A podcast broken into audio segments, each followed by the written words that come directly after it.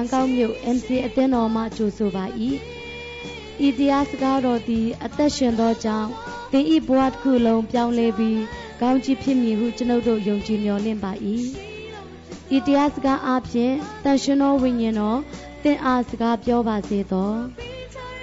ဤတရားဟောချက်သည် စီးပွားရေးအဖြစ်မဟုတ်လျင်လက်ဆင့်ကန့်ကူးယူဖြန့်ဝေနိုင်ပါသည်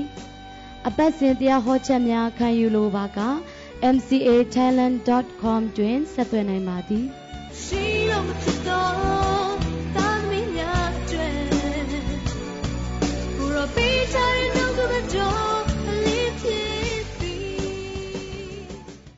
အရှင်ဖခင်ကိုရောယေရှုတင်ပါ၏ထိုက်တန်တော်မူသောဖခင်ကိုယ်ွယ်ခြင်းနဲ့ချီးမြှောက်ခြင်းကိုထိုက်တန်၍သားသမီးကိုယ်ွယ်ခြင်းပေါ်မှာမင်္ဂလာရှိစေသောဘုရားသည်ကိုယ်တော်ဖြစ်တယ်။ ကြည်တော်မူပြုပါနှုတ်ကပတော်လက်တော်ထဲမှာအနန္တခါမလက်ခံတော်မူပါ။အသက်ရှင်သောသခင်ခရစ်တော်ဘုရား၏နာမတော်များနဲ့ယူသေးစွာဆုတောင်းပါ၏။ကျေးဇူးတင်ပါတယ်ကျွန်တော်ထိုင်ရအောင်လို့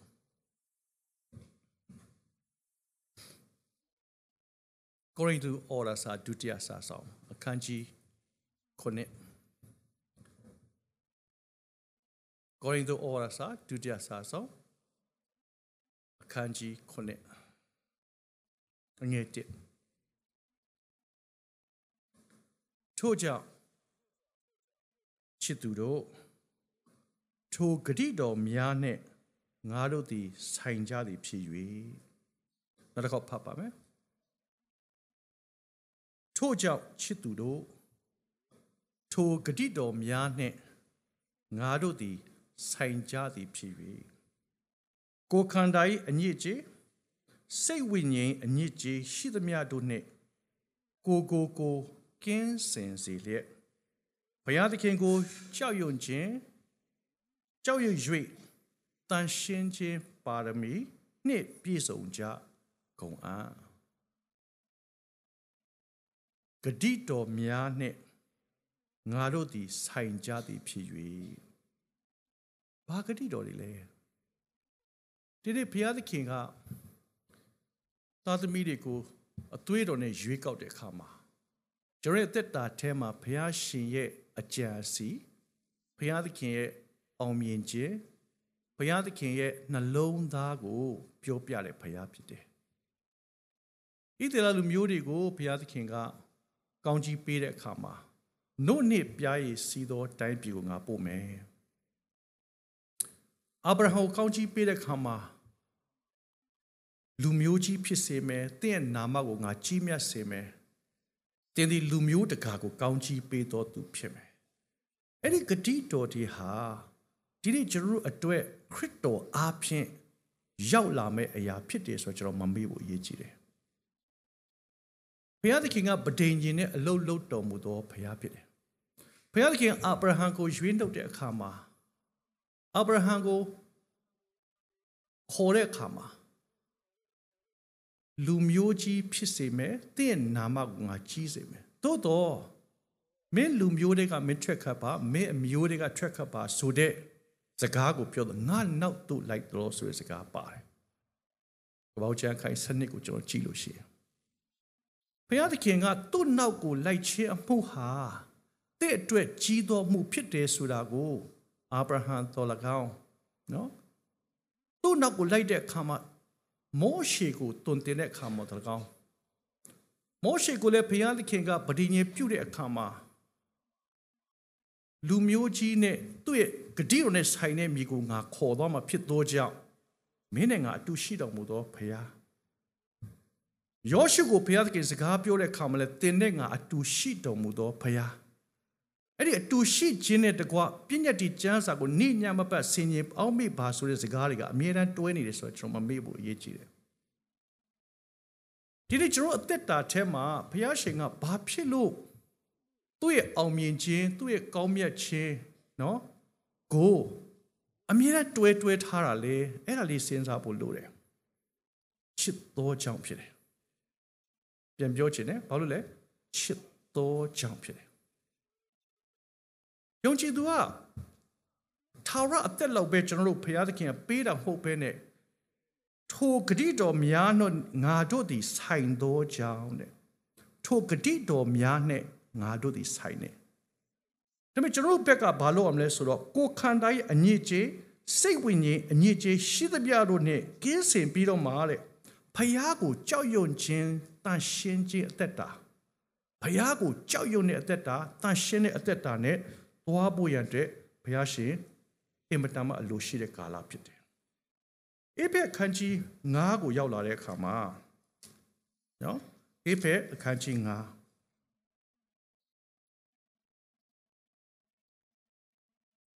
အငယ်15နဲ့16မှာဘာပြောလဲဆိုတော့နော်ထို့ကြောင့်ပညာမဲ့ကဲ့သို့မဟုတ် ပညာရှိကဲ့သို့စိစိမြင့်မြင့်ကျင့်ဆောင်မိအကြောင်းတတိပြုကြလော့ဒီနေ့ကျွန်တော်တို့ကိုပညာမဲ့ကဲ့သို့မဟုတ်ပါဘူးလေမဆိုင်ပါဘူးလေငါတို့နဲ့မလာတော့ဘူးဆိုတဲ့အပိုင်းမဟုတ်ဘဲနဲ့ကျွန်တော်ရတဲ့ရထိုက်သောဂတိတော်များကိုဘုရားကပေးမယ်ဆိုတော့ကျွန်တော်သိပြီကြီးသောမှုပြုတ်မယ်ဆိုတော့ကျွန်တော်နားလည်ဖို့အရေးကြီးတယ် ဒါကြောင့်မလို့ဒီမှာပြောတဲ့စကားကဘာပြောလဲဆိုတော့ယခုနေ့ရဲ့ကာလတို့သည်ဆိုးရုပ်သောကြောင့်ကာလအချိန်ကိုရွေးနှုတ်ကြလော့ဆိုတော့အသက်တာထဲမှာစစ်ဆေးခြင်းစောင့်မျှော်ခြင်းဖခင်ကောင်းမြတ်ခြင်းကိုကျွန်တော်မျှော်လင့်တတ်တဲ့အသက်တာနဲ့အောင်မြင်မယ်ဆိုတော့ယုံကြည်ထားဖို့အရေးကြီးတယ်တဲ့သက်တာဟာ နောက်ဆုံးသောကာလထဲမှာကျွန်တော်အသက်ရှင်နေဆိုမမေ့ဖို့အရေးကြီးတယ်ဟုတ်ပြီနော်ဖြတ်တန်သိမကောင်းခုနပိုကောင်းတယ်ဘာဖြစ်လို့ပြောင်းလဲ online တွေ okay online တွေနော်ကောင်းပြီစဉ်းစားရအောင်ဆက်ပြန်ဖတ်မယ်အငယ်15ထို့ကြောင့်ပညာမဲ့ကဲ့သို့မဟုတ်ပညာရှိကဲ့သို့စစ်စစ်မြင့်မြင့်ကျင့်ဆောင်မိအကြောင်းတတိပြုကြလော့ ပညာရှိကဲ့သို့စိတ်စိတ်မြင့်မြင့်ကျင့်ဆောင်ဖို့ရန်ကတကြောင်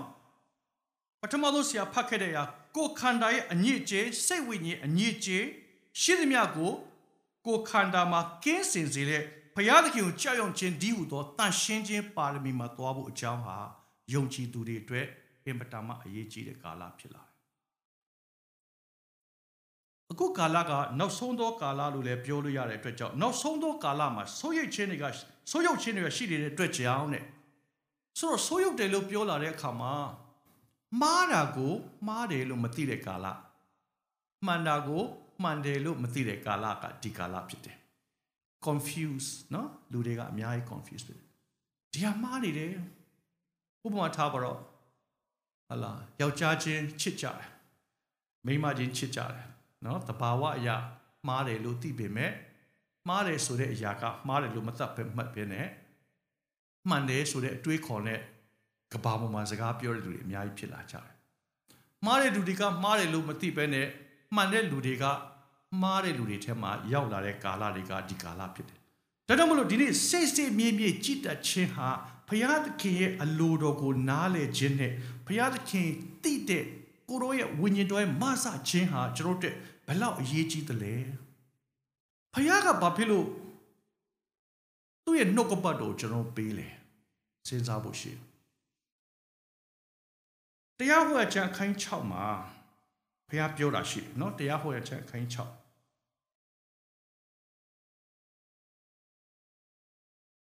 မကြခင်မှာမင်းတို့ဂတိတော်မြေတွေကိုဝင်တော့မယ်တဲ့เนาะဂတိတော်မြေတွေဝင်တော့မယ် အငယ်တစ်ကနေစဖတ်မယ်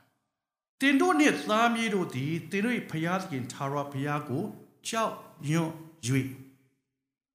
ငါပေးထားသောပြည့်ညတ်တရားတော်ရှိသမျှတို့ကိုတစ်သက်လုံးစောင့်ရှောက်မိအကြောင်းနှင့်တင်တို့၏အသက်တာရှည်စေမိအကြောင်းတင်တို့သွား၍ဝင်စားလက်တန်သောပြည်၌ကျင့်ဖို့ရာတင်တို့အားငါတွင်တင်စိမ့်သောငါတင်တို့၏ဘုရားသခင်သာရဘုရားမှားထားတော်မူသော စီရင်ထုံးဖွဲ့ချက်ပြည့်ညတ်တရားဟူမူကားဆိုတော့ဣသရေလလူမျိုးတွေကိုဘုရားသခင်ကတိုးထဲမှာ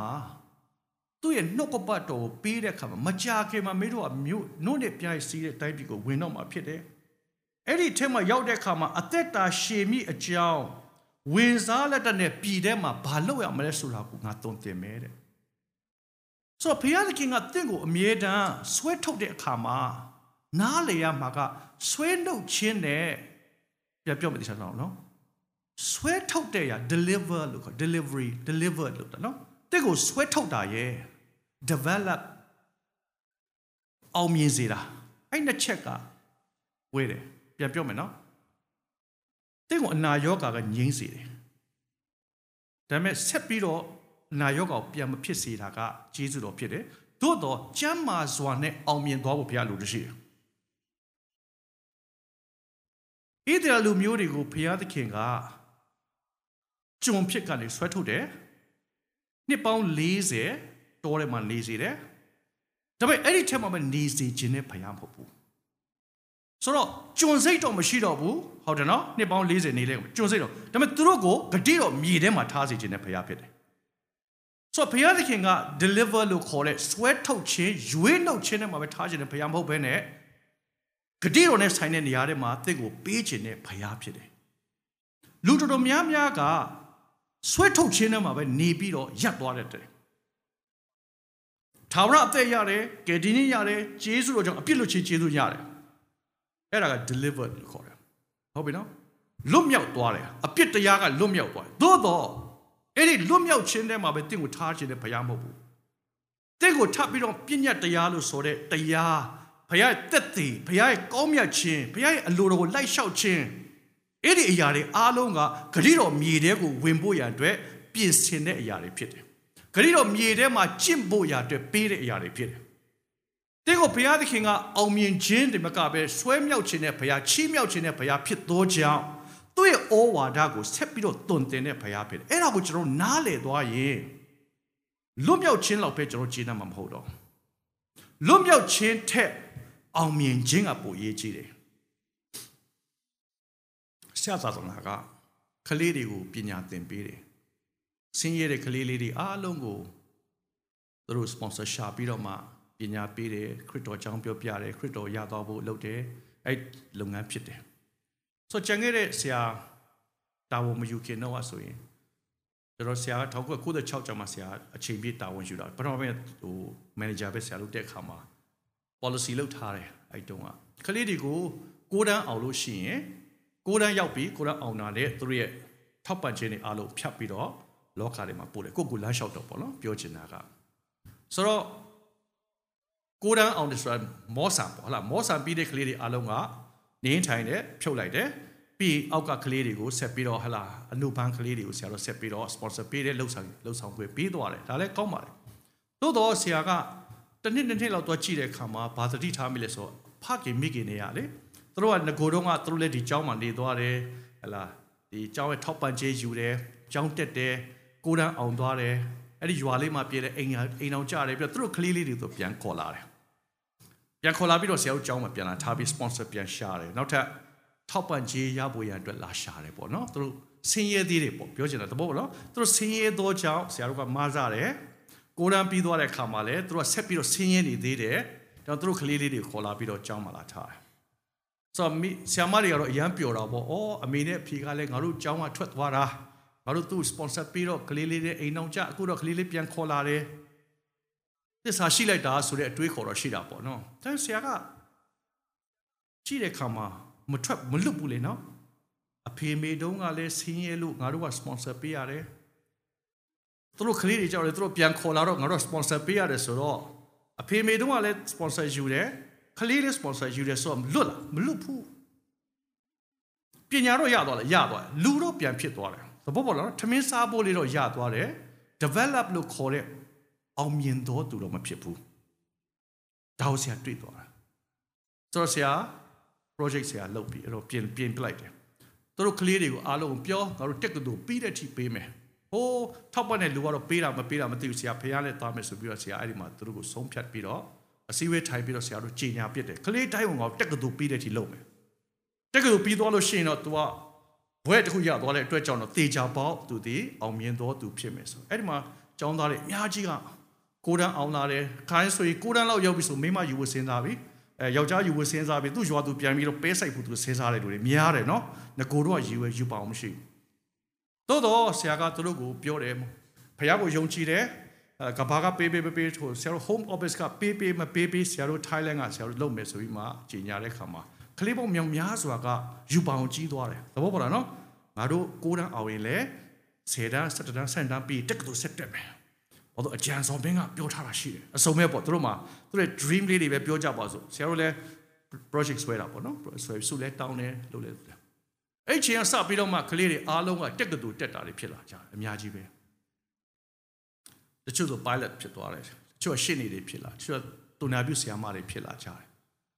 ကျောင်းဆရာမဖြစ်တယ်ကျန်တဲ့ကျောင်းပြီးတဲ့လူတွေအများကြီးဖြစ်လာတယ်အဲ့ဒီလူတွေကြတော့ဆရာတို့ကိုသူတို့ကလေးတွေပြန်ခေါ်မလာတော့သဘောပေါက်လားမလားသူတို့ကလေးတွေကိုခေါ်လာပြီးကျောင်းမှာ sponsor မရှာတော့ဘဲနဲ့သူတို့ဘာဖြစ်လဲဆိုတော့ဆရာတို့သာသနာပြန်ပြီးတော့ပန့်ပိုးတဲ့လူတွေပြန်ဖြစ်လာတယ်စဉ်းစားကြည့်အောင် ရှေးတုန်းကကိုးတန်းထိအောင်ခြင်းအမှုကတော့လူဖြစ်သွားမယ်ဆိုတဲ့အတွေးခေါ်ဒါမှမှားတယ်လို့ဆရာဆိုလိုတာမဟုတ်သူကာလာတဲ့သူပေါ့နော်ဒါပေမဲ့အချိန်တစ်ခုရောက်လာတဲ့ခါမှာကိုးတန်းအောင်ခြင်းကအစင်မပြေဘူးလေသမားပြန်ဖြစ်တယ်ဒီနေ့ဘုရားသခင်ကတင့်ကိုအဲ့ဒီပြဿနာကြားထဲမှာပဲထားခြင်းနဲ့ဘုရားမဟုတ်ဘူးအာမင်တည့်တက်တာထဲမှာငကိုတော့ကကြုံခဲ့တဲ့ပြဿနာတွေယောဂအတွက်ငွေကြေးအတွက်စီးပွားရေးအတွက်အောင်မြင်ရေးတွေအကုန်လုံးကြဆုံးနေရနေပြီးဆွဲထုတ်တယ်ဘုရားဟုတ်တယ်မှန်တယ် သို့တော့တင့်ကိုချီးမြှင့်ခြင်းနဲ့ဘုရားဖြစ်တယ်ဘုရားရဲ့ကြံစီကငကိုတဲ့ကိုးတန်းမှာပဲထားခြင်းနဲ့ဘုရားမဟုတ်ဘူးတင့်ကိုအောင်မြင်ခြင်းတဲ့လူရှိမှာဘွဲယူတဲ့သူတွေဆိုတာလူတွေအများကြီးရှိမှလက်ခုပ်ကြီးတာလေမဟုတ်ဘူးလားလူတွေရှိမှတင့်ကိုဘောက်လုပ်ပြီးတော့မှတင့်ကိုလက်ဆွဲနှုတ်ဆက်တာမဟုတ်ဘူးလားဘွဲယူရဆိုတော့စဉ်းစားကြည့်လေပလင်ပေါ်တက်ရတယ်မဟုတ်ဘူးလားပလင်ပေါ်မှာတင့်ကိုခေါ်သွားတယ်တယောက်ချင်းကိုသူတို့ပမခကြုတ်ကြီးကပေးတာဖြစ်တယ် လူတွေအကုန်လုံးလောက်ပြီးလက်ခုပ်တီးပေးရတယ်ဘာဖြစ်အောင်မြင်ခြင်းကိုမြင်စင်သောကြောင့်ကျောင်းကလည်းဖွင့်ပေးတယ်ပါမှုပါဝင်တဲ့သူတွေမိဘတွေအကုန်လုံးရဲ့နှလုံးသားဖယားသခင်လည်းထိုနီးတူဆိုပဲတင့်ကိုအောင်မြင်စေခြင်းနဲ့ဖယားဖြစ်တယ်ဒါကြောင့်မို့လို့တင့်ကိုဖယားသခင်ကဘာပြောလဲဂတိတော်နဲ့ဆိုင်သောအရာတွေကိုတဲ့ဟာတင်တဲ့ဆိုင်သောဂတိတော်များအတွက်တင့်ကိုရွေးနှုတ်ထားတယ်တင့်ဖယားသခင်ကိုကြောက်ရွံ့ခြင်းတော့ပါလာတယ်တန်ရှင်းခြင်းဆိုတော့ပါလာတယ် အဲ့ဒီအရာတွေကိုကျွန်တော်ဒါကြောင့်မို့လို့နော်ဘုရားသခင်ကယောရှုကိုပြောတယ်လို့မျိုးပဲဒီနေ့တင်တဲ့ကျွန်တော်ကိုလည်းအမြဲတမ်းပြောတော်မူသောဘုရားဖြစ်တယ်35ခုမြောက်သောဆာလံမှာဘုရားရဲ့နှလုံးသားတစ်ချက်ကျွန်တော်တွေ့လိမ့်မယ်35ခုမြောက်သောဆာလံငွေ29မှာ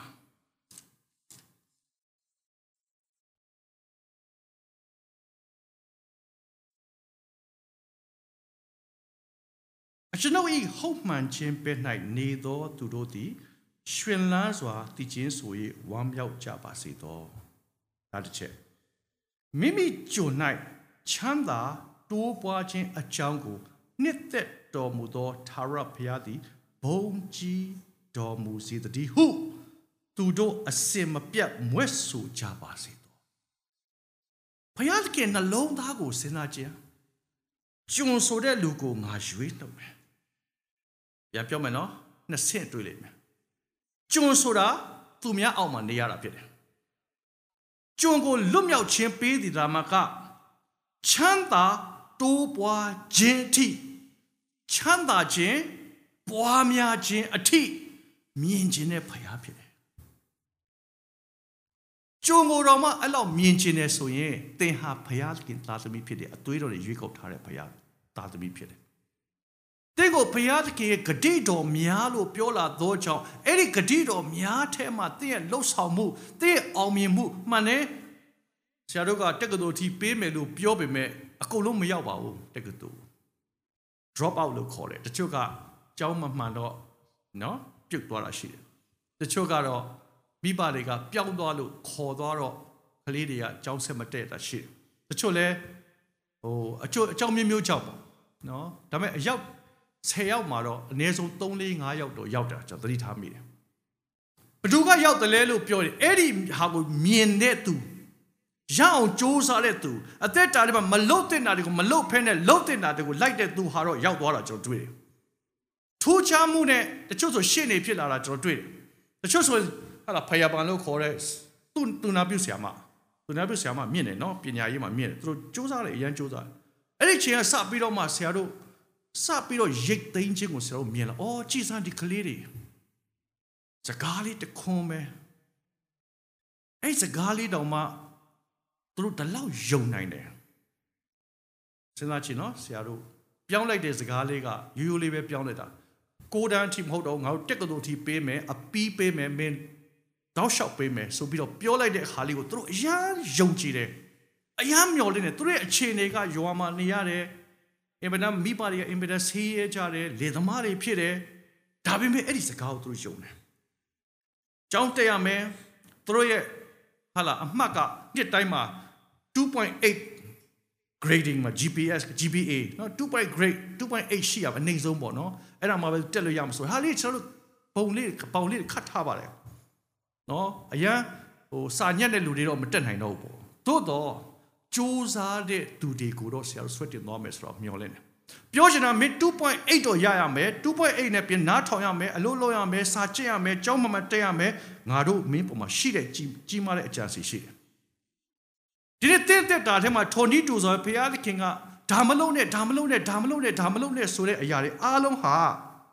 ကြီးသောအမှုကိုပြုတ်ပေါ်ရန်အတွက်ပေးနေတယ်ဆိုတော့တီတို့နားလည်ဖို့အရေးကြီးတယ်အာမင်ဘုရားကတင့်ကိုအရန် မိမိကြုံကိုပင်ချမ်းသာခြင်းကိုနှစ်သက်တယ်တိုးပွားခြင်းနော်ပြီးတော့မှမိမိကြုံ၌ချမ်းသာတိုးပွားခြင်းအကြောင်းကိုနှစ်သက်တော်မူသောသာရဘုရားဖြစ်တယ်တဲ့ဒါတော့ဇော်မင်းအောင်မြင်ခြင်းကိုဖျားသခင်အရန်ကြိုက်မှာပေါ့လို့ဆရာမြင်တယ်ဘာလို့ကြိုက်တော့စာတန်ကိုနိုင်ဖို့ရန်အတွက်ကြိုက်တာဖြစ်တယ်စာတန်မာနကတင့်ကိုဖျက်ဆီးဖို့တတ်ဖို့ဖျက်ဆီးဖို့တော့အဲလှုပ်ဆောင်မဲ့အရာတွေအများကြီးရှိတော်လဲပဲ ဘုရားသခင်ကတင့်ကိုနီးမျိုးစုံနဲ့ဆွဲတင်မဲ့ဘုရားဖြစ်တယ်တန်ရှင်းခြင်းသာရပြောက်ကြောက်ရွံ့ခြင်းရေးကြည့်တယ်ဘုရားကိုကြောက်တဲ့သူကလေတောင်တန်အမှုကိစ္စတွေမှာတတိထားတယ်နော်ဘုရားမကြောက်တဲ့လူတွေကလေလှုပ်ချင်လို့လှုပ်ပစ်တာရှိလားမရှိဘူးလားမထူးဆက်ခင်းဆိုတဲ့စကားလုံးတစ်လုံးရှိတယ်နော်မထူးဆက်ခင်းမထူးတော့ပါဘူးကွာငါလှုပ်ပတ်လိုက်တော့မယ် ဘုရားကိုကြောက်တဲ့သူကလေဘုရားကိုမျှော်လင့်တတ်တယ်နော်ဘုရားရှင်ကြီးစွာအလုံးလုံးမယ်လို့မျှော်လင့်တတ်တဲ့သူရှိတယ်သမီးလေးတယောက်ကအမှတ်က2.7 9 2.8မပြည့်2.79ဖြစ်တယ်။အဲသူကအရာဟိုတက်ချင်တယ်။သူကဘာတက်လဲဆို nursing တက်မယ်သူဒီသူနာပြုဆရာမတက်မယ်။ဆိုဆရာတို့သူကလာစာစာရေးတယ်။သူ့ကိုခွင့်ပြုပါ။ သူတကယ်ပဲလိုချင်တဲ့အရာဖြစ်တယ်။နော်။သူခင်ဗျရေးရှာ။ရေးတော့ဆရာတို့လည်းကောင်းပြီသူတော့ချွင်းချက်တွေလည်းလက်ခံလိုက်မယ်။ဒါပေမဲ့သူကအနည်းဆုံး3ရမယ်3.0ရမယ် GPA ဆိုပြီးမှဆရာတို့ကသူ့ကိုပို့စူးစမ်းအောင်လေနော်2.8မဖြစ်ဘူး2.79ဆိုတော့0.1လေးကျန်နေတယ်သူကလေရတယ်တဲ့သူစူးစမ်းမယ်သူတကယ်ပဲစူးစမ်းတယ်သူကသူများတွေ၄နှစ်တက်တယ်သူ၅နှစ်တက်လိုက်ရတယ် ဘာလို့ဆိုတစ်နှစ်နည်းနည်းနာသွားလို့တိုးတော့နောက်ဆုံးပိတ်မှာရောက်သွားတယ်သူနာပြုဆရာမဖြစ်သွားတယ်ဝိကျိုးဆိုတာဘာလဲတရုတ်တရုတ်ဒီဒီဒီရန်စစ်မှာရှိတယ်ရန်စစ်မဟုတ်ပါဘူးဘန်ဒါဘက်မှာရှိတဲ့တက်ကတူမှာသူသွားတက်တယ်အဲ့ဒီကလေးမလေးအောင်သွားတယ်၅နှစ်တက်ပြီးတော့သူဘွဲရသွားတယ်ဆရာကြီးပြန်လာတယ်လာနှုတ်ဆက်တယ်ဆရာကျေးဇူးတင်တယ်2.78ဆိုတာကတော့ မမှီပေမဲ့သူ့ရဲ့ကြိုးစားမဲ့နှလုံးသားသိတော့ board နော်အဖွဲ့လေးနဲ့လှုပ်ထားတာအစည်းအဝေးလေးဆိုင်ပြီးတော့သူ့ပေးလိုက်တဲ့အခါမှာသူအောင်မြင်သွားတဲ့သူဖြစ်သွားဒီကနေ့ဆိုရင် तू ကအောင်မြင်တော်သူဖြစ်ရောမှမကသူတပားကိုပြန်ပြီးကူတဲ့သူဖြစ်လာသူ့ရဲ့အသက်တာစဉ်းစားချက်သူတပားကိုကောင်းချီးပေးတော်သူအာဗြဟံဘုရားခင်ပြောထားတဲ့ကောင်းချီးမင်္ဂလာသူစဉ်းစားလို့သူတယောက်တည်းကိုစဉ်းစားလို့ရတာသူ့အမျိုးတွေကြားထဲမှာဘယ်သူကမှ nurse မဖြစ်ဘူးသူဖြစ်တယ် သူတို့နေတဲ့ရွာလေးကိုစဉ်းစားမယ်လို့ရှိရင်ဆရာတို့စပြီးတော့ project ဆရာဒီနိုင်ငံရောက်သွားတဲ့ချိန်မှာကျခဲ့တဲ့15နှစ်လောက်ကဆိုရင်7 level မပြောနဲ့လမ်းအချင်းချင်းလေးပဲနော်7 level လည်းမရှိဘူးလက်ဖေးဆိုင်လည်းမရှိဘူးဘာဆိုင်မှဝယ်စားလို့မရဘူးဆိုင်ကိုမရှိဘူးပြီးရောပြတ်ကောချက်စားမှပဲရတဲ့ရွာမျိုးမှာဆရာလှုပ်ထားတာဖြစ်တယ်သို့တော့ဒီကနေ့အဲ့ရွာမှာများစွာသူတွေအောင်မြင်လာကြတယ်ကားတွေစီလာကြတယ်လုပ်ငန်းတွေပေါ်လာကြတယ်ဆေးရုံတွေရှိလာကြတယ် ဘာဖြစ်ဆိုတော့အဲ့ဒီရွာလေးရဲ့အောင်မြင်ခြင်းအားလုံးကလူတိုင်းရဲ့ကြိုးစားခြင်းနဲ့ဘုရားသခင်ချီးမြှောက်ခြင်းဖြစ်လာဒီနေ့ကျွန်တော်အသက်တာထဲမှာဘုရားရှင်လှုပ်ဆောင်မှုကိုကျွန်တော်နားလည်မယ်ဆိုရင်ဘဘုရားသခင်ကသူ့ရဲ့အသက်တာသူ့ကိုရှာတဲ့သူတွေကိုကောင်းသောအရာတစ်စုံတစ်ခုမျှမလိုရလို့ပြောတယ်ဘုရားဖြစ်သောကြောင့်အဲ့ဒီဘုရားထက်မှရှိတဲ့ဩဝါဒကိုကျွန်တော်ရှာတတ်ဖို့စကားပြောပါစေတင့်ကိုအောင်မြင်စေခြင်းနဲ့ဘုရားဖြစ်တယ်တင့်ကို နော်မဆခြင်းနဲ့ဘုရားဖြစ်တယ်တင့်ကိုဆွဲတည်ခြင်းနဲ့ဘုရားဖြစ်တယ်တခါလေမှကျွန်တော်တို့ကမသိဘူးယူပေါင်းမရှိငါ့ကိုကိုးတန်းပြီးသွားရင်တော့ငါထွက်ရမှာပဲရှိတတ်တယ်အခုချိန်မှာလဲဟာလာတချို့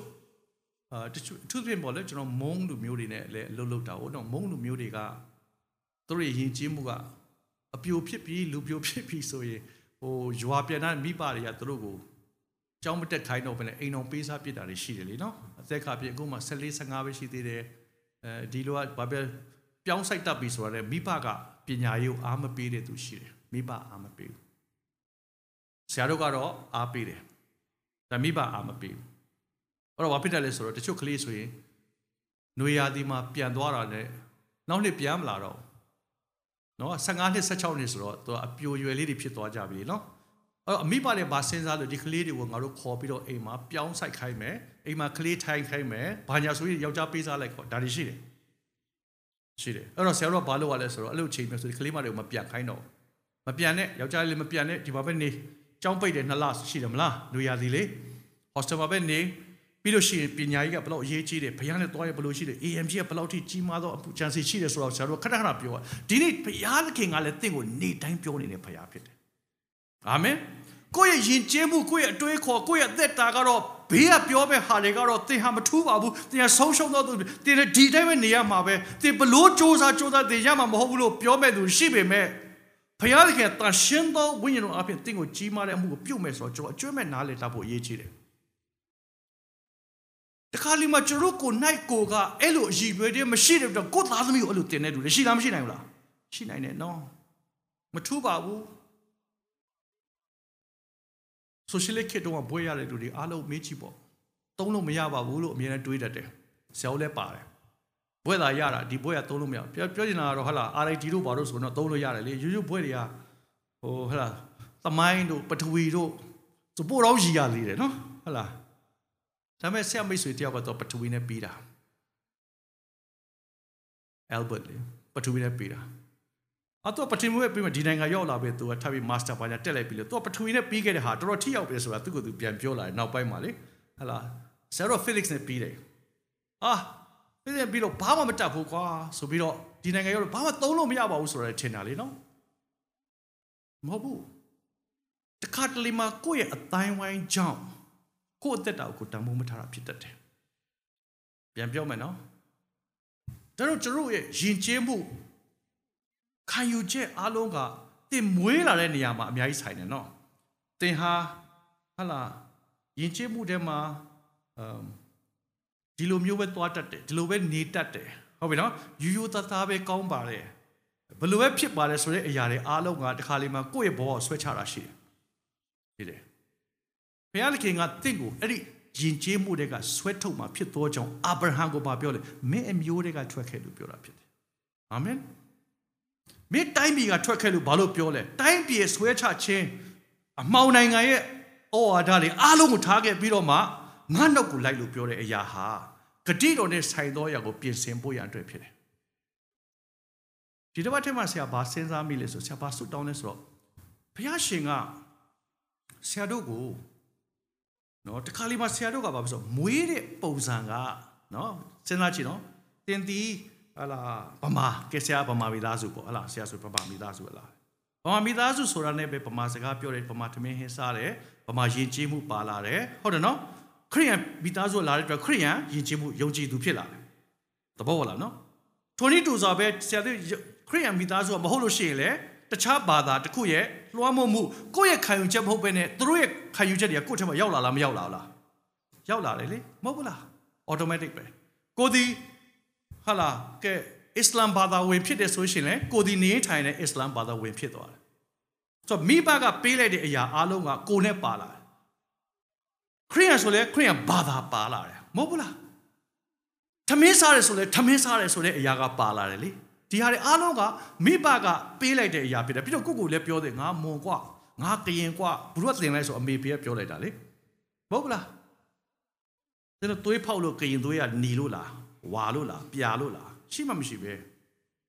နော်ကရင်သွေးမှာပိုဝါတယ်ဆိုတော့မရှိဘူးလေပိုပြာဆိုတော့မရှိပိုနေတယ်ဆိုတော့မရှိဘူးလေတူတပည့်လေအားလုံးอ่ะသို့တော့မိဘကပြောလိုက်တယ်ဒါမှမဟုတ်ဘုရားရှင်ကတည့်ရဲ့ဂတိတော်သူ့ရဲ့ဂတိတော်တွေကိုရောက်ဖို့ရန်အတွက်ပထမအဆုံးသူဘာလုပ်လဲဆိုတော့တ င့်ရဲ့တိုင်းပြည်တင့်ရဲ့အမျိုးတွေကဆွတ်ထုတ်တဲ့ဘုရားဖြစ်တယ်။ဒါပေမဲ့အဲ့ဒါကောင်းတယ်။အာမင်။ကောင်းတယ်။ဘာလို့ကောင်းလဲ။ကိုယ်ရဲ့အကြံစီကတာပြီးကြီးတယ်လို့ကျွန်တော်နားလည်ဖို့အရေးကြီးတယ်။ဟေရှာ48မှာဟေရှာယအခန်းကြီး48ငွေ16မှာ ကိုရောကျွန်တော်လမ်းပြပါဆိုရစကလုံးရင်းစလုံးရှိတယ်နော်အခန်းငယ်16 48အခန်းငယ်7သင်ကိုရွေးနှုတ်သောဣသလအမျိုး၏တန်ရှင်းသောအရှင်သာရဖျားမိတ်တော်မူသည်ကားငါသည်သင်၏အကျိုးနှင့်ရှင်သောအရာကိုတုံတင်၍အဲအရန်ကောင်းတယ်နော်ဒီစကားစဉ်းစားကြည့်ရနော်ဟိုတေချာတေချာနားထောင်နော်အရန်လေးနဲ့တဲ့နှုတ်ကပတ်တော်ဖြစ်တယ် ဘုရားရဲ့နှလုံးသားကိုကျွန်တော်သိလို့ရတယ်သဘောပေါက်တော့ဘုရားရဲ့နှလုံးသားကိုကျွန်တော်သိလို့ရတယ်ဘုရားသခင်ကျွန်တော်တို့ဘယ်လောက်ထိအောင်မြင်စေခြင်းလဲဆိုတာကိုနှုတ်ကပတ်တော်အဲ့လိုဖတ်ပါနော်ဘာသာတရားလို့မဖတ်နဲ့အကျင့်တရားမဖတ်နဲ့ဘုရားနှလုံးသားဖြစ်တယ်ဆိုတဲ့နည်းနဲ့ဖတ်ပြန်ဖတ်မယ်ဆရာသင်ကိုရွေးနှုတ်တော်သူဤတေလအမျိုး၏တန်ရှင်းသောအရှင်သာရဘုရားမိတ်တော်မူသည်ကားငါသည်သင်ဤအကျိုးနှင့်ရှင်သောအရာကိုသင်ဤအကျိုးနှင့်ရှင်သောအရာကိုသင်အကျိုးအတွက် ဖြစ်လာမဲ့အရာကိုငါသိမယ်တွင်တင်၍ဆိုဘုရားသခင်တင့်ကိုတွင်တင်မဲ့အရာဟာတင့်အကျိုးအတွက်ဖြစ်တယ်ဒါဆိုကျွန်တော်တို့ခံယူဖို့လိုလားမလိုလားလိုတာပေါ့လောကမှာလောကပညာတော်မှာကျွန်တော်15နှစ်သင်ရတယ်အခုဆို16နှစ်ပေါ့ဟလားဒီနိုင်ငံမှာဆို17တန်းလဲသင်ရသေးတယ်နော်17တန်းလေးတက်ပြီးမှတက္ကသိုလ်၄နှစ်ထပ်တဲ့ဆိုတော့16နှစ်လောက်တက်ရတယ်နော်ပြီးမှဘွဲ့တစ်လုံးရတာ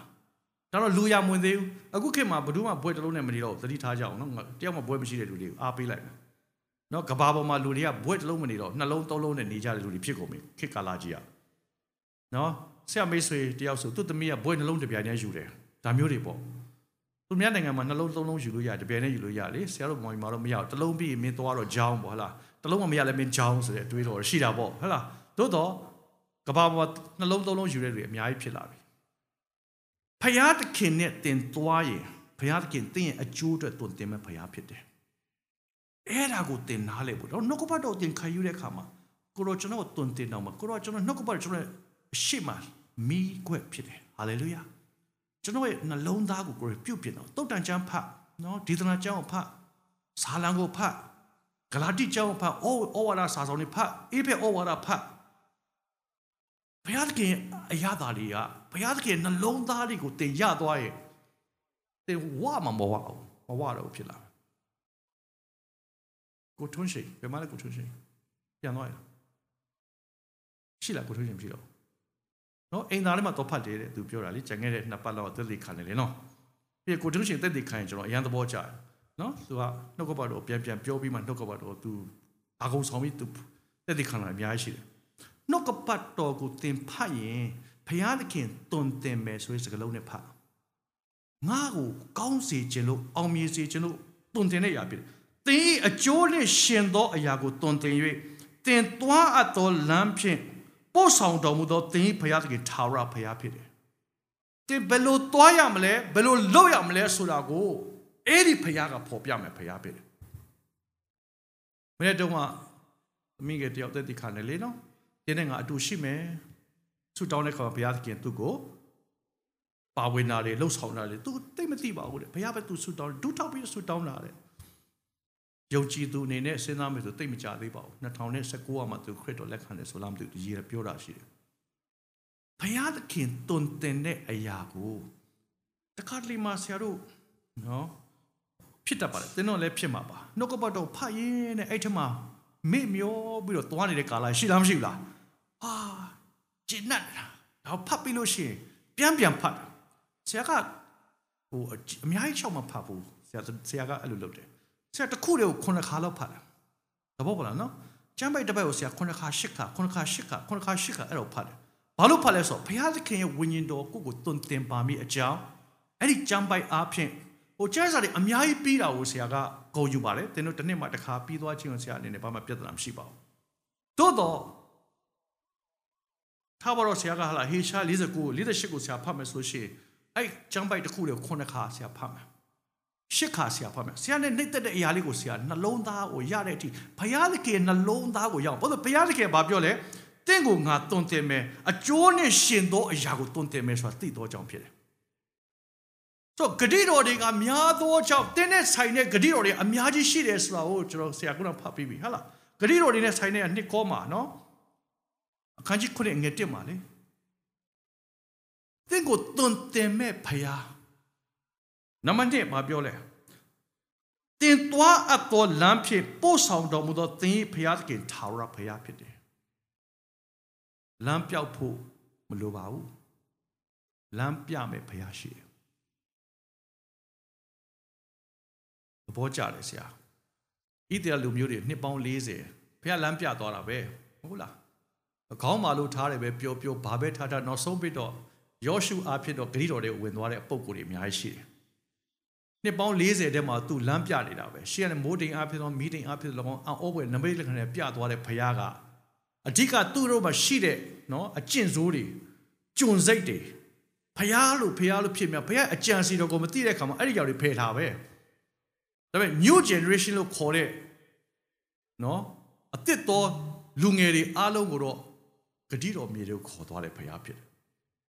ဂရိတော်မြေတွေကိုဝယ်သွားတဲ့အခါမှာသူတို့ကကြုံစိတ်လုံးဝမရှိတော့သူတို့အေဂုတုပြည်မှာခံစားတဲ့အရာတွေအားလုံးကသူတို့တက်မမှတ်မိလို့သူတို့ဘာသိထားလဲသမိုင်းလောက်ပဲသူတို့သိသွားတယ်ဘုရားလခင်အသက်ရှင်တော်မူဘုရားအာဗြဟံဣဇက်ယာကုပ်ရဲ့တည်တော်မူသောဘုရားဂတိတော်နဲ့ရှင်သောအရာကိုတစ္ဆာနဲ့ဖြည့်တော်မူသောဘုရားအဲ့ဒီအရာကိုသိသွားတဲ့အတွက်ကြောင့်လမ်းမှာတောက်လျှောက်ငါသွန်သင်သွားတယ်နော် ဒီနေ့ကျွန်တော်တို့ကိုသွန်သင်နေတဲ့ဘုရားဖြစ်တယ်သက်သက်တာထဲမှာဘုရားရှင်ရဲ့စကားတော်ကိုနေတိုင်းဝန်ခံနေသလားဆရာပြန်မေးမယ်နေတိုင်းဖတ်လားကျမ်းစာနေနေဖြစ်ဖြစ်များများဖြစ်ဖြစ်နှလုံးသွင်းသလားစစ်နော်နောက်ဆုံးသောကာလမှာကာလအချိန်ကိုစိစိကြည့်တတ်ဖို့တော့လိုလာပြီ စာရမဏလည်းလေတယ်နော်အရန်လေတယ်ဖြစ်စီမှာပဲနီးမျိုးစုံနဲ့တစ်ကိုဆွဲချမယ်တတိခံချက်တွေအများကြီးရှိတယ်။ဇာလန်ရဲ့လှည့်ကွက်တီထဲကိုရောက်ခလီလီမှာဘုရားသခင်ကာကွယ်ထားတာလေ။ဘုရားသခင်ကတင့်ကိုအောင်မြင်စေခြင်းသောကြောင့်လောက်ရမယ့်အရာကိုတွင်တင်တဲ့ဘုရားဖြစ်တယ်။မလောက်ရမယ့်အရာကိုတွင်တင်တတ်တော်မူသောဘုရားဖြစ်။အဲ့ဒီအရာတွေအားလုံးကဘာဖြစ်လို့လဲ။တင့်ကိုအကျိုးနဲ့ရှင်သောအရာကို တွင်တင်ဖို့ရနဲ့တင်သွားရမယ့်လမ်းကို ပြင်ဆင်ဖို့ရအတွက်ပြင်ဆင်သောဖရာဖြစ်တယ်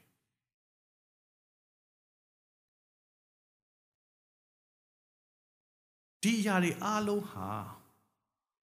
ဘုရားသခင်နှလုံးသားဖြစ်တယ်လို့ပြောချင်တယ်နော်ဒါကြောင့်မို့အဲ့ဒီဂတိတော်ဒီကိုကျွန်တော်လိုက်လျှောက်တဲ့အခါမှာတန်ရှင်းခြင်းဘုရားကိုကြောက်ရွံ့ခြင်း ဆရာအဲ့ဒါလေးနဲ့ပြန်ပိတ်မယ်ကောရိန္သုပြန်သွားရအောင်ကောရိန္သုနှစ်နှစ်ကောခန်းချစ်ခုနှစ်မှာ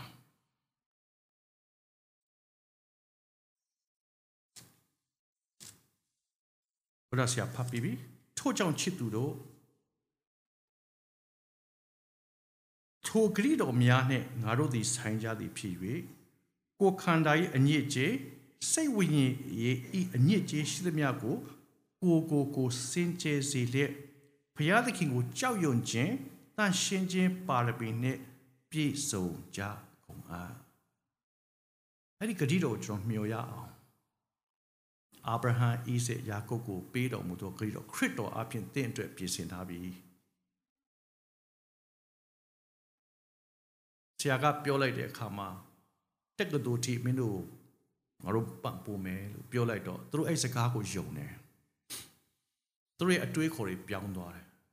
ငကိုတော့ကကိုတန်းပြီးရင်တော့ငါတို့ဒုံဝဒူဝေဝေပြန်သွားကြတာပေါ့အဲ့ဒီကနေပြီးသူတို့အရန်စူးစားတဲ့ကလေးတွေဖြစ်လာသူတို့စာရေးတာလေးကွာသွားတယ်ငါကလေမြန်မောင်းကျင်တဲ့လူဖြစ်သွားမယ်ငါရှေ့နေဖြစ်ငါပလိတ်ဖြစ်ချင်တယ်ငါစစ်သားဖြစ်ချင်တယ်အစုံပဲပေါ့သူတို့မှလည်းကလေးလေးတွေသူတို့ dream လေးတွေပေါ်လာကြတာစကလုံးတစ်လုံးဒါတော့လူလူချင်းပြောတဲ့စကား ဒီနေ့ဘုရားသခင်ကတင့်ကိုကြီးမားသောအမှုနဲ့ဂတိတော်တည်တော်မူသောပဋိညာဉ်တဲ့စကားပြောတော်မူသောဘုရားဖြစ်တယ်အဲ့ဒါကိုဆွဲလန်းတတ်ဖို့အရေးကြီးတယ်။အော်ငါအသက်တာနဲ့ဘုရားသခင်ကြီးသောအမှုပြုမယ်။အာမင်။ငါအမျိုးတွေကငါ့ကိုကြိုက်တာပြောပါစေ။ငါရဲ့ဖြစ်ပေါ်လာတဲ့ယဉ်ကျေးမှုငါနိုင်ငံအခြေအနေနဲ့ငါမဆိုင်ငါဘုရားနဲ့ဆိုင်တော်သူဖြစ်တယ်။အာမင်။ ဘုရားနဲ့ဆိုင်တော်သူကဘုရားသခင်ဂတိတော်ကိုမျှော်ကြည့်တတ်ဖို့ပဲအားပေးခြင်းတယ်။အဲ့ဒီဂတိတော်ကိုသင်မျှော်တတ်သွားရင်တင့်ရဲ့ယူပိုင်ကအဲ့ဒီမှာရောက်လာလိမ့်မယ်။ငါရဲ့ပညာမတတ်ခြင်းမကြည့်တော့ဘုရားသခင်ရဲ့ပညာတတ်ခြင်းကိုကြည့်လာတယ်။ငါရဲ့အသက်တာမတတ်နိုင်ခြင်းကိုမကြည့်တော့ဘုရားတတ်နိုင်ခြင်းကကျွန်တော်အတွက်ဖြစ်လာတယ်။မတတ်နိုင်တော့အရာတစ်ခုမှမရှိဘူးဆိုတဲ့အရာတွေဖြစ်လာလိမ့်မယ်။ဘုရားနိုင်မဖြစ်နိုင်တာတွေမဖြစ်တော့ဘူးမရှိဘူးဆိုတော့သင်ယုံလာလိမ့်မယ်။အဲ့ဒီအရာတွေကိုသင်ယုံတတ်သွားရင် သင်ဟာအောင်မြင်သောသူတွေဖြစ်လာ။အောင်မြင်သောသူတွေလောကမှာသင်ဟာအောင်မြင်သောသူတွေဖြစ်လာ။ဒါတော့တစ်ကောအခန်း15မှာဗာပြောလဲ။နော်။အာနှစ်ကောအခန်းကြီးနှစ်ငယ်14မှာနှစ်ကောနှစ်14မှာငါတို့သည်ခရစ်တော်နှင့်အတူအောင်ပွဲကိုအစဉ်ခံစေခြင်းက၎င်းထိုသခင်ကိုသိခြင်း၏အမွှေးကြိမ်သည်ငါတို့အားဖြင့်အရရက်တို့၌နှံ့ပြားစေခြင်းက၎င်း ပြုတော်မူသောဘုရားသခင်ဂျေဇုတော်ကိုချီးမွမ်းခြင်းရှိစေတည်းအောင်မြင်ခြင်းအစဉ်အောင်မြင်ခြင်းအစဉ်အောင်မြင်ခြင်းကချက်ချင်းမရောက်ဘူးပြန်ပြောမယ်နော်တခါလေအောင်မြင်ခြင်းစတယ်ဒါပေမဲ့အရန်ဝမ်းပြုတ်စရာကောင်းတယ်တခြားစတွေ့လို့ရှိရင်မှားတတ်တယ်မှားတတ်တယ်တခြားစတွေ့မှားလားမှားလားရှမ်းနေခေါ်တယ်လေနော်တခြားစတွေ့မှားတတ်ပါတယ်တွတ်တတ်တယ် တွတ်တော့မှားတယ်အချိန်ရင်ပြန်တွက်နောက်ပိုင်းဘယ်တော့မှမမှားတော့ဘယ်တော့မှမမှားတော့တင်ချာဘာဖြစ်လို့လဲအချိန်ချင်းတွက်တော့အစင်အောင်တော်သူဖြစ်လာတယ်အာမင်တော့ကြဆုံးခြင်းမှာဘယ်တော့မှမရနဲ့လေ့ကျင့်နေတဲ့ကာလဖြစ်တယ်ဘုရားစကားပေါ်မှာသင်ရက်တယ်လမ်းလျှောက်တယ်တော့အချိန်ဘယ်နှချိန်ပဲလဲလဲငါပြတ်ထားမယ်ဟာလေလုယာလဲတဲ့ကာလရှိမှာပါ အဲလဲတဲ့ကာလကတင့်ကိုဘုရားသခင်ဆွဲချမဲ့ကာလမဟုတ်ဘူးလဲတဲ့ကာလကတင့်ကိုသင်ငန်းစာပေးပြန်ဆွဲတင်မဲ့ကာလဖြစ်တယ်ဘုရားရှိရှေ့တော်မှာမှာကြီးတော်မှုပြုတ်တတ်တဲ့သူဟာပြန်ထတတ်တဲ့သူတွေဖြစ်တယ်အမြဲတမ်းလဲနေတဲ့သူမဟုတ်ရအောင်ဒီနေ့ကျွန်တော်ရဲ့အသက်တာကိုဘုရားခင်ဒါတော့ဒီမှာဆက်ပြပြောမယ်နော်ငါတို့ဒီခရစ်တော်နဲ့အတူအောင်ပွဲကိုအစဉ်ခံစေခြင်းက၎င်းထိုသခင်ကိုသိခြင်းအမွှေးကြိုင်သည် ငါတို့အားဖြင့်အရရက်တို့၌နှံပြားစေခြင်းက၎င်းပြုတော်မူသောဘုရားသခင်ကြီးစွာချီးမွမ်းကြတယ်အမွှေးအကြိုင်သင်အောင်မြင်လာရင်လေသင်အမျိုးတွေကြားထဲမှာဘုရားသခင်သင်ကိုအကြီးကျယ်အသုံးပြုမှာဖြစ်တယ်သင်အောင်မြင်လာရင်သူများတွေအားလုံးကဆရာဆရာအဲ့ဒါသဘာဝကြပါတယ်နော်အောင်မြင်တဲ့သူတွေကိုအမျိုးတွေကဝိုင်းပြီးတော့ဟိုဖူးဖူးမှုတ်ကြတာပဲလေဒါကတော့ယူလီပဲမဟုတ်လားငကိုတော့ကတော့ငါဒန်းတူပဲပေါ့ နော်ဒါပေမဲ့ထူးခြားစွာတင့်မောင်နှမအချိန်မှာတင်အောင်မြင်လို့ရှိရင်သူတို့တွေတင့်ကိုလေးစားမှုကွာသွားအောင်မြင်တယ်ဆိုတာငွေကြေးကိုပြောတော့မဟုတ်ငွေကြေးလည်းပါတယ်ကျမ်းမာခြင်းလည်းပါတယ် influence လို့ခေါ်တဲ့သင်ရဲ့ပြောဆိုလှုပ်ဆောင်ခြင်းအားလုံးကဘုံတော်တွေဖြစ်တယ်အဲ့ဒီအောင်မြင်ခြင်းကအစဉ်အောင်မြင်ခြင်းနဲ့မှသင်ရှိတယ်အဲ့ဒီအောင်မြင်ခြင်းဟာဘုရားသခင်ရဲ့အကြံစီထဲမှာသူ့နှလုံးသားကတင့်ကိုအောင်မြင်စေချင်တဲ့ဘုရားပဲသူကတင့်ကို ဟလာ redeem ပေါ့နော်ဆွဲထုတ်တဲ့ဘုရားလောက်ပဲမဟုတ် deliver လုပ်တဲ့ဘုရားပဲမဟုတ် develop မှာထားတဲ့ဘုရားဖြစ်တယ်ငကိုတော့ကဆရာတို့ကချမ်းသာဆင်းရဲတဲ့လူတွေကိုဆင်းရဲခြင်းကလွတ်အောင်ပဲလုပ်ပေးတယ်အောင်မြင်သွားအောင်မလုပ်ပေးတဲ့ခါမှာသူ့ကလေးကဆင်းရဲသွားတယ်အဲ့ဆင်းရဲတဲ့ကလေးကိုဆရာခေါ်လာတော့ဆရာတို့ဆရာကျောင်းဆရာမတွေအရင်ပြောတော့အမလေးနာရက်မအိုးမဲကောဟာလာအလောင်းလိုက်ဟာလာမဲလဲစစ်ကောင်ပြောတာပေါ့သူတို့ကတော့ဟာလာအမျိုးစုံပြောကြတာပေါ့အမေကလည်း ဟိုကျောင်းသူငါတို့ကျောင်းသူလေးပေါ့သူ့ကလေးတွေပြန်ခေါ်လာတယ်ပေါ့ပြောလို့ဆရာမတွေကလည်းဘယ်သူမှမပြောလဲဆရာတို့အပေါ်ကအလုပ်လုပ်တဲ့သူတွေကဟာကြည့်ပြီးဒုက္ခပဲဒီလူတွေကိုငါတို့က poverty လို့ခေါ်တဲ့ဆင်းရဲခြင်းကဆွဲထုတ်တာခရစ်တော်တော့ရသွားတယ်ခရစ်တော်ရတယ်ကိုယ်တန်းအောင်တယ်မအောင်မြင်ဘူးမဖြစ်ဘူးယုံကြည်ခြင်းနဲ့စကားစာပြောတယ်အောင်မြင်ခြင်း တက္ကသိုလ်ထိခါတော့ပေးမယ်ပြောလဲပြောကလေးတွေယုံနေဗျအဲ့ကလေးတွေကြီးမားတဲ့အမှုတွေဖြစ်လာကြတယ်ဒီနေ့ဖះရှင်တင်းတို့စကားပြောနေတာဖြစ်တယ်ကျွန်တော်ကိုစကားပြောတယ်နောက်ကျွန်တော်အသက်တာထဲမှာအောင်မြင်ခြင်းဆိုတာဖះသခင်အနိုင်ဆုံးခံယူချက်ဖြစ်တယ်ဂရိတော်မြေတဲ့ကိုလူတိုင်းသွားစေခြင်းနဲ့ဖះဖြစ်တယ်အောင်မြင်စေခြင်းနဲ့ဖះဖြစ်တယ်ကြွယ်ဝစေခြင်းနဲ့ဖះဖြစ်တယ်ကြမ်းမာစေခြင်းနဲ့ဖះဖြစ်တယ်တင့်အားဖြင့်လူမျိုးတကာကိုကောင်းချီးပေးစေခြင်းနဲ့ဖះဖြစ်တယ်ပြောရတဲ့ဖះရှင်ကောင်းချီးပေးပါစေ